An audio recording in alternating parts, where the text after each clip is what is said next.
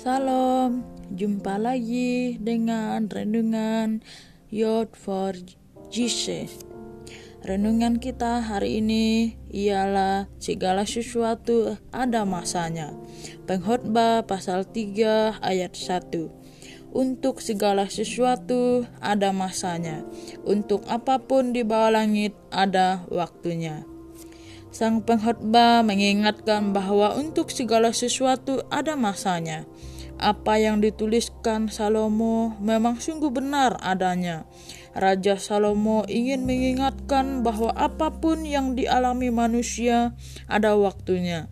Tidak selalu masalah yang saat ini dihadapi akan terus dihadapi. Suatu saat akan selesai juga. Demikian pula jika sedang merasa bahagia, suatu saat kebahagiaan itu akan berakhir.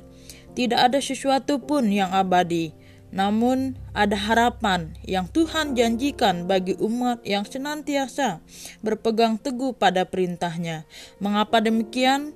Karena pemeliharaan Tuhan bagi setiap orang yang berserah pada dia adalah pasti. Sobat muda, kalau saat ini kita sedang dalam pergumulan hidup yang berat, kita merasa apa yang kita alami tidak ada akhirnya, percayalah bahwa untuk segala sesuatu ada masanya, ada waktunya. Selama kita terus berpengharapan kepada Tuhan, yakinlah semua akan terselesaikan. Hari ini adalah hari baru yang kita mulai kembali. Marilah kita sambut hari baru ini dengan sebuah keyakinan iman bahwa Tuhan menyertai kita. Semangat dalam menjalani hari baru kita. Segala sesuatu ada waktunya, ada masanya. Tuhan Yesus memberkati.